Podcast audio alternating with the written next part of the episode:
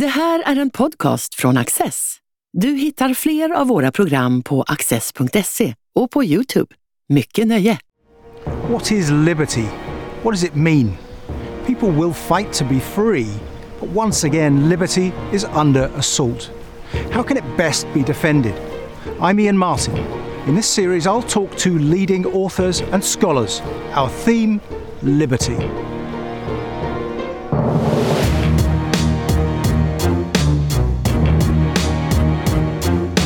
Professor Margaret MacMillan is one of the world's leading historians. Her landmark history, Peacemakers, is an account of the 1919 Paris Peace Conference. She's also an expert on the divorce between nationalism and liberalism and ethnically based national movements. How has this shaped our history and the latest battles for liberty? Margaret MacMillan, let's start in the early 19th century. Could you explain who Giuseppe Mazzini was and what his views were on the nation state? He was an enormously powerful and important and eloquent Italian nationalist before there was an Italy. And he believed that Italians, defined as those who lived in the peninsula, spoke the same language sometimes, although not always, belonged in a nation and should be independent instead of being divided up among a number of kingdoms and, and principalities. And he had a wider impact across Europe. He talked about the freedom of peoples, the liberation of peoples from the old empires, from rule by others who weren't like them. And so he was enormously important in helping to form nationalisms all over Europe. And what had been the guiding large scale group self identification in Europe prior to this point? Nationalism was very new. We forget how new it was. In most countries, people identified themselves as members of their village, members of their clan, perhaps subjects of a ruler, but they didn't think of themselves as citizens, and with a few exceptions, they didn't think of themselves as belonging to a particular clearly defined national group.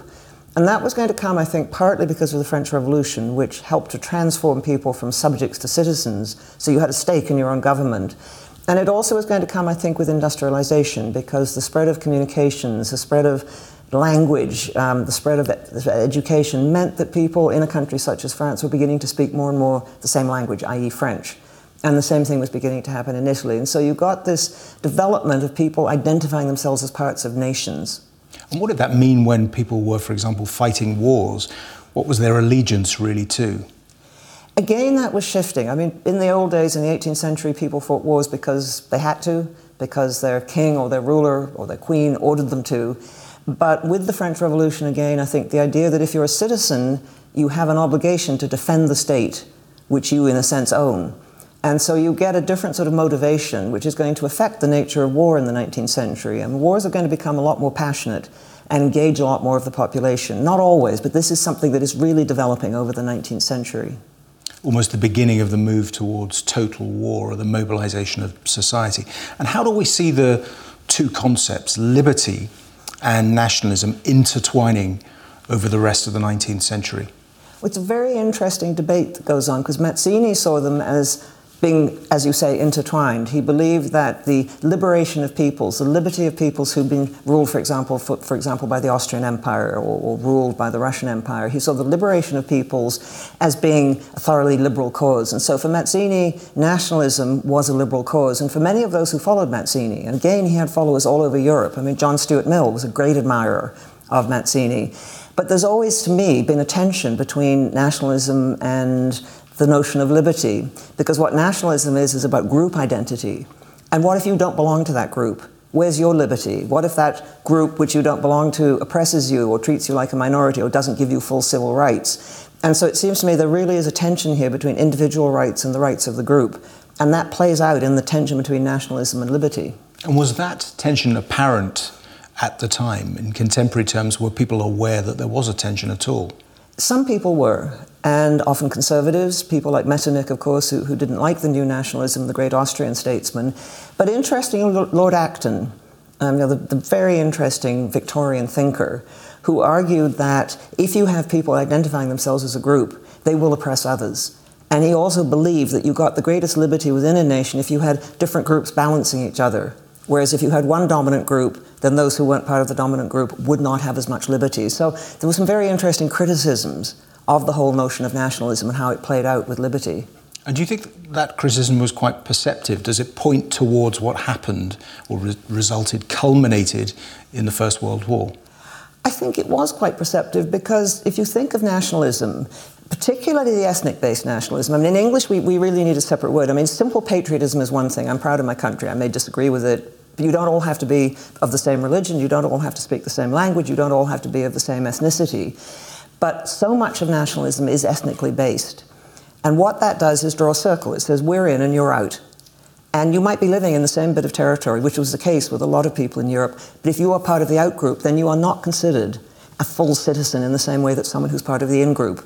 If, for example, you're a Protestant in Italy, in a Catholic country, or a Jew in Italy, the danger is you will not be considered a proper Italian. And we saw how that played out, of course, later on in Germany, for example, where those who could not be seen as part of the German ethnic group for whatever reason began to suffer, and of course, in the end, suffered horribly. But the discrimination of not being part of the group. The other danger in that sort of nationalism is you pitch yourself against others. You're always comparing yourself against others. And so it's French against German, or German against British, or Russian against German. And I think that helps to make war much more passionate and therefore much more deadly. I mean, in that period, you also get, in places like Britain, you get the emergence of jingoism, yeah. um, sort of a very aggressive form of patriotism yeah. or, or nationalism. To what extent is that due to the rise of the popular press, changes in the, in the, in the voting system, and people wanting to express this new is it nationalism, is it patriotism? I think what the spread of literacy does and the rise of the popular press, which sells literally millions of copies every day, means that people feel themselves to be part of a much larger group than they might have done. You know, before the modern press, before modern education, you would be usually part of your, your local rural world, and you wouldn't go very far away from it. But with the spread of modern communications, yes, you get this much larger thing called the nation, and you also get creeping into the mix, I think very dangerously, something called social Darwinism the misapplication of Darwin's theories to human races, saying you could pick out distinct human races. And there was a lot of sort of nonsensical stuff in the 19th century where they measured skulls and they measured noses and they tried to pick out the true Anglo Saxon from the true Celt and, and whatever. And that, I think, was very dangerous because people often began to think in terms of a hierarchy of races. And so the jingoism you refer to was the British saying, or the English particularly, saying we're better than anyone else. And of course, the French were saying the same thing at the time, and so were the Germans. So you get again this, this idea that somehow competition among nation, nations is natural and inevitable. And is that a, a, really important factor in the outbreak of the First World War, do you think?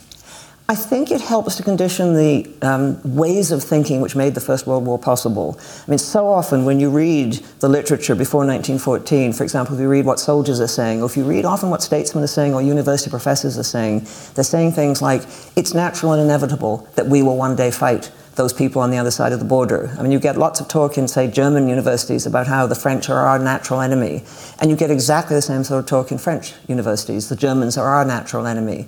And so you get, I think, this predisposition, this, this acclimatization to the idea of war as something that is probably going to happen because it's going to be racial. So the war happens, takes place.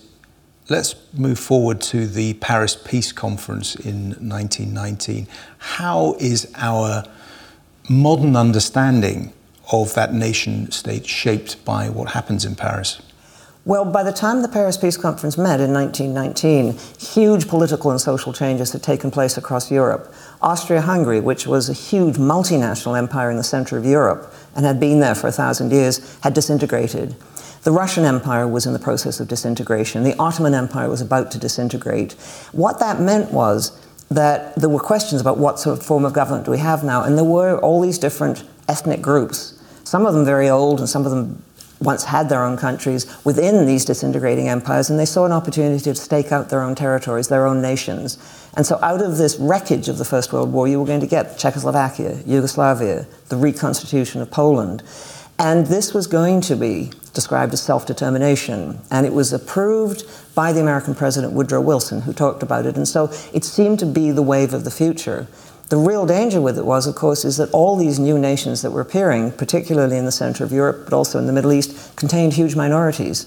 Because history had not left all the Poles in a neat box or all the Hungarians in a neat box. They were scattered. And it meant a formula really for trouble between the two wars. The disappearance of the old, those old empires that you described, had those old empires really been some provided some sort of compromise? They were almost the, the glue of, uh, of Europe in that, in, that, in that period. Yes, I think we can get sentimental about them, but I do think, on the whole, if you look back, they probably treated their minorities better than nation states did.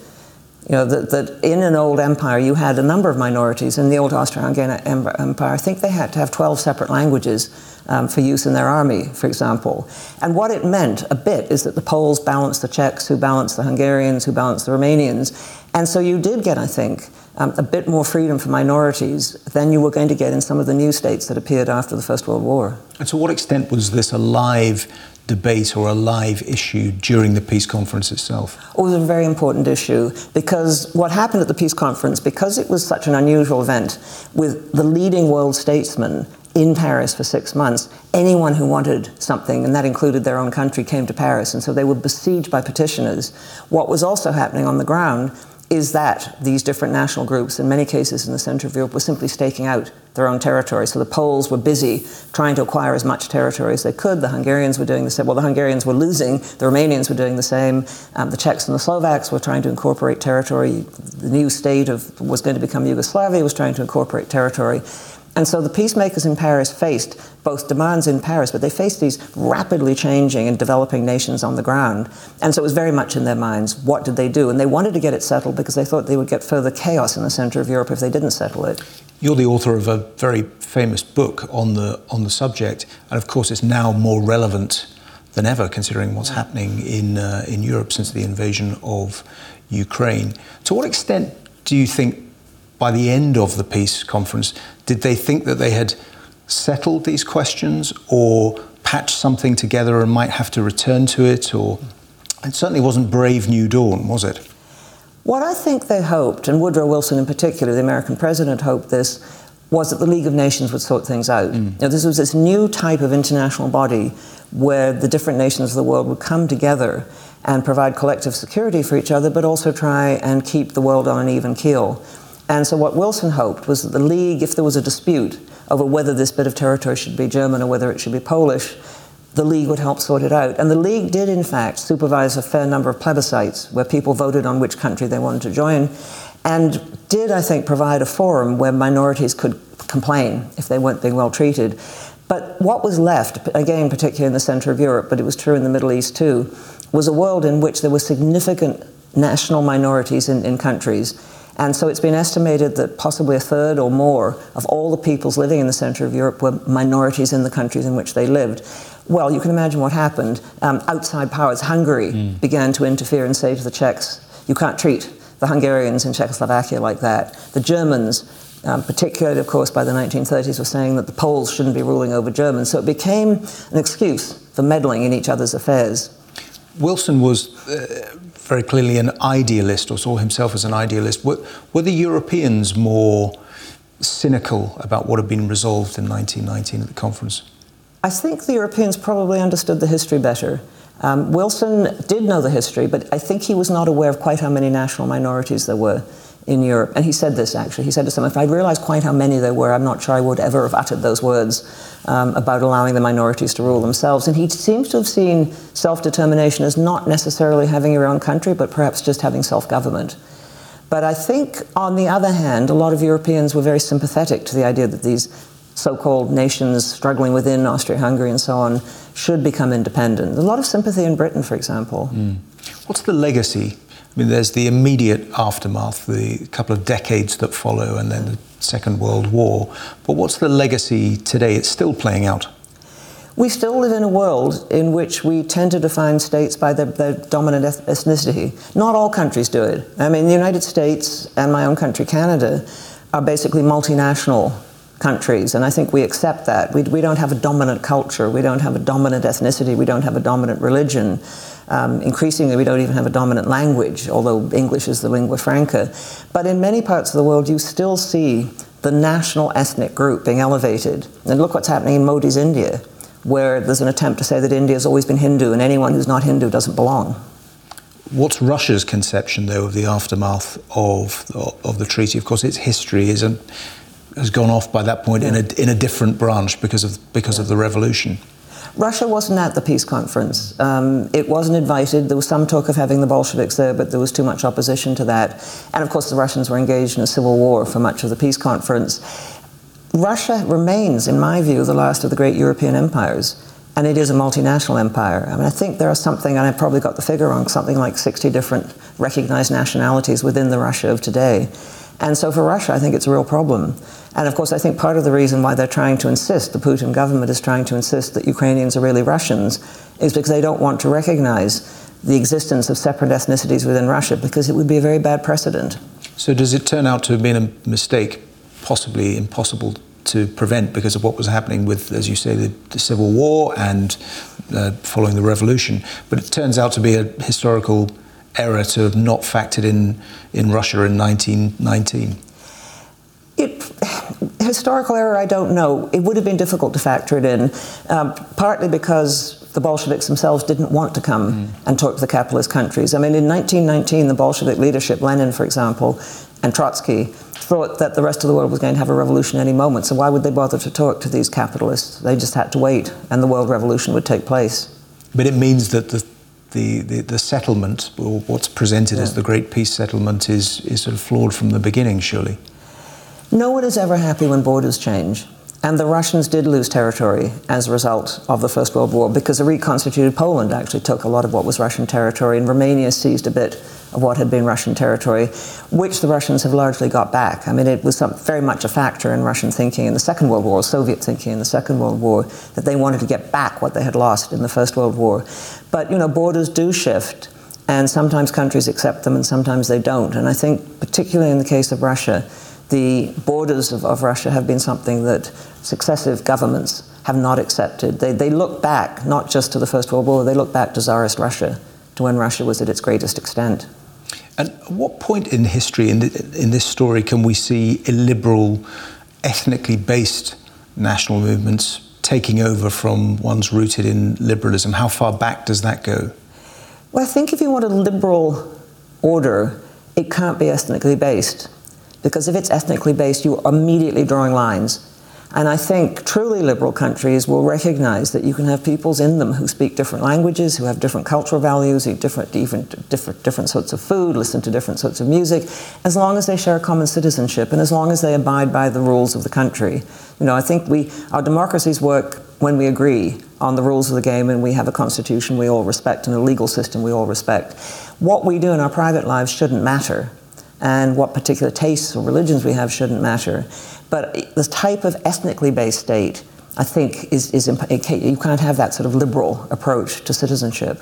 And this, this tension that you identified at the start between liberalism and nationalism, yeah. we see it being played out in the Ukraine crisis, but in other places too, do you think? I think we see it being played out certainly in American politics. I mean, part of what is motivating at least some of the Republican Party is a fear that the white peoples of the United States are losing power. Um, you know, this whole, I mean, it's way on the fringes, some of it, but I, I, fear it's affecting Republican thinking, this whole fear of replacement, you know, that you get on the American far right. But it's, it's something that is becoming more mainstream, I fear. And so, yes, it's playing out in other parts of the world. Um, fears of immigrants, fears of immigration, fears of change. I mean, these are important. And, and again, to go back to Modi's India, this attempt to make India into a Hindu state and to say that the Muslims, a quarter of India's population, don't belong there, I think is terrifying. Let's talk a little bit about America there. You just mentioned some of the, the tensions there. In one sense, America is a sort of classic liberal state, yeah. but the L word liberalism is a is, is a is a dirty word. Do you think America can find some sort of way through this back to some set of common values, some sort of sense of moderation or respect for alternative views? I certainly hope so. Um, it's been through bad patches before. You know, it had a civil war after all. And American society was very divided, I think, at the beginning of the 1930s, and indeed through much of the 1930s the divisions, I think, are really considerable today. And I think you do get certainly in elements of the Republican Party a fear that the whites are somehow losing their dominant position in American society. And I think that is worrying because it, it leads to sort of wanting to, to hunker down and protect ourselves and not give full rights to those we regard as not being like us. I mean, the whole attempt to change the voting laws and to limit participation, I think, is very much driven by such fears. So I think, and I hope that the United States will get through it. But at the moment, I think it's going through a very bad patch indeed. The contradiction, of course, is that it's also still an engine of economic growth and innovation. It's yeah. still, uh, let's see what happens post inflation and yeah. possibility of global recession, but but the longer term projections are that the American economy is going to grow strongly. So while it politically has these yeah. problems, it's still going to be yeah. you know probably about a third bigger in a decade's time. So it has huge economic clout, but can it lead? I think so. I mean, look, the United States has, has been through this before, and I think, you know, we tend to think, I think, a rather simple view or simplistic view that great powers rise and then they fall. Great powers sometimes rise and then have a bad patch and then rise again. And I think the United States is capable of that, has done it before. I mean, if you think of, you know, the end of the 19th century when the United States was not a great power and then became one and then withdrew a bit from the world in the 1920s and then, and certainly in the 30s and then became a great power again. And so it, it, it recovered after the Vietnam War. I mean, the United States has tremendous capacity for, for renewal. And I think the evidence is that a lot of Americans are basically in the middle. They're centrist. But it's the froth, or not the froth, but the political parties, the noise that goes on, which I think is worrying. But we maybe pay too much attention to it. I mean, I think the United States has great strengths, and it has a system which is capable of change and is capable of, of renewing itself, and a system in which people participate. And I think also, I'm old enough to remember what the situation for, for people of color, particularly blacks in the United States, used to be like. Um, the limited amount of civil rights, well, none in the South as far as I can see. And you think of the change that has come about. And it may be going through a bad patch at the moment, but I really do have confidence the United States will begin to um, change and, and, develop. And certainly under President Biden, it's shown a willingness to take world leadership. I mean, it's certainly taken leadership in Ukraine. And we have to hope whoever succeeds him will, will continue to want to do that. What's the role of technology, do you think? We mentioned the, the, the rise of the popular press in Europe in the 19th century and yeah. propelling this idea of or new concepts of patriotism yeah. and, and, and, nationalism. But now, today, I mean, it's a factor, isn't it, in the populist movements, yeah. but also in blurring, blurring borders and, and, and of bringing down barriers between peoples simultaneously. Well, is it bringing down barriers between peoples? I wonder sometimes. I mean, I remember when the internet first started and people said it's wonderful, we're all going to be watching the same things, we're all going to be communicating with each other, the borders will go down. It seems to me borders have actually got more rigid in the last few decades than anything else. And what the internet does, I think we're realizing more and more, is make it people make it possible for people to go into echo chambers where they only talk to people who are like them. And so, is it breaking breaking down barriers or is it erecting new sorts of barriers? I think it's too soon to tell. Just on the question of Russia and Ukraine, there, there is the perfect example of the tension you described earlier playing out between uh, liberalism, nationalism, confused Russian ideas hmm. about statehood uh, and, and nation. What do you think the consequences are going to be as this plays out? We're in the middle of it, and so is Ukraine, of course, and I think very difficult to tell. What Ukraine seems to have had is, is really a civic culture, not, a, not an ethnically based culture. Mean, the fact that the president of Ukraine is, is himself Jewish seems to me that Ukraine is not a country in which you have to be um, Orthodox or Catholic to be Ukrainian. And you don't even have to speak Ukrainian. I mean, there are many Russian speakers in Ukraine who are passionately Ukrainian as well. And Ukraine, I think, perhaps in some ways was a threat to Putin's Russia because it represented another sort of society. And it was more open and more democratic, and, and I think certainly becoming more prosperous. And I think that was something that Putin didn't want on his borders. I think he saw it as a threat to his own rule in Russia. And the more you look at Russia and you look at the people he, he seems to revere, the thinkers he reveres, they seem to be people who talk about a sort of ethnic Russia, racially based Russia, um, you know, Russia which has this particular culture and, and, has this particular place in the world. And so, what I think they have in, in, in certainly those who surround Putin in his own thinking is something very 19th century.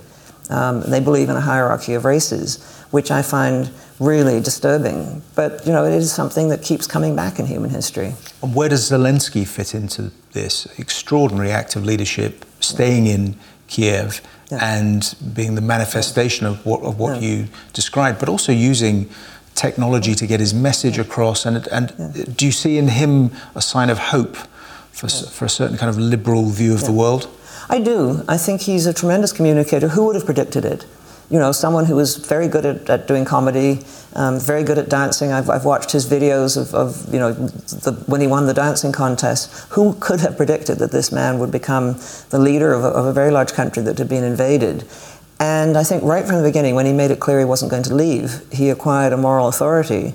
And he is a brilliant communicator. I mean, I forget how many parliaments he's now talked to, huge number. But just, he broadcasts every night, I believe.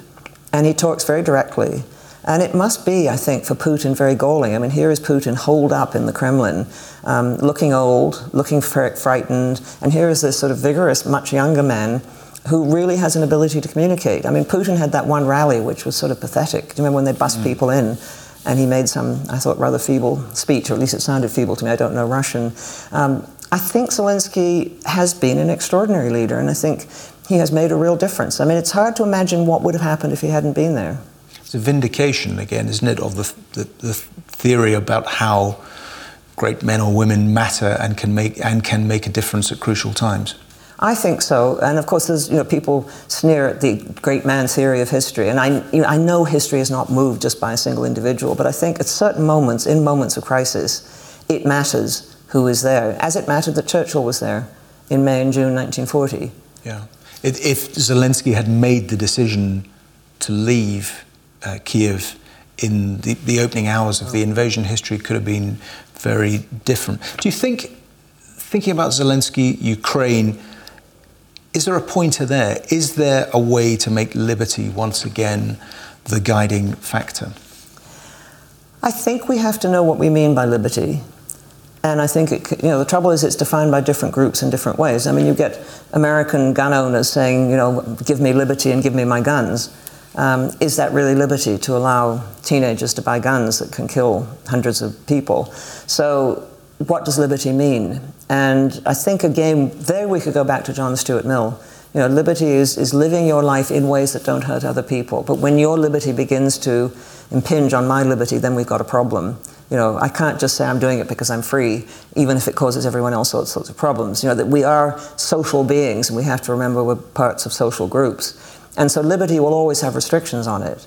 But I do think the idea that as much as possible you should be able to decide what you want to do, what you want to think, what you want to believe, what sort of things you want to listen to, as much as possible we, we should have that as a guiding principle in our societies, always recognizing that there are bound to be limits, there are going to have to be limits of some sort or other.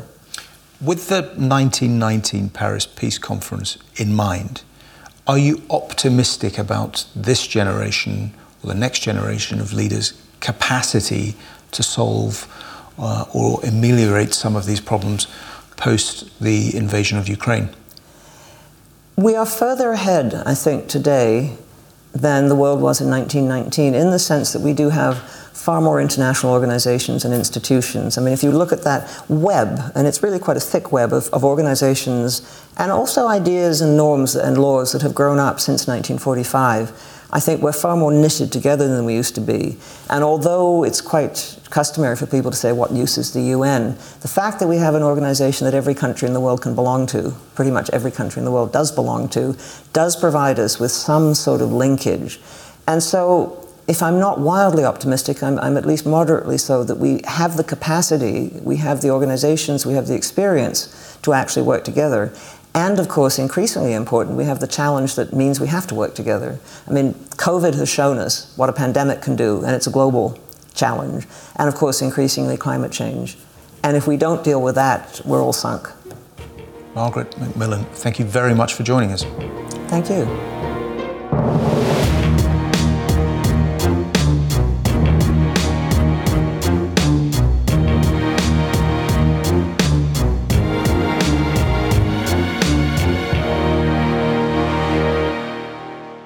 Just lyssnat på en podcast från Access.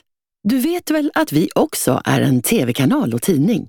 Teckna en prenumeration idag på access.se.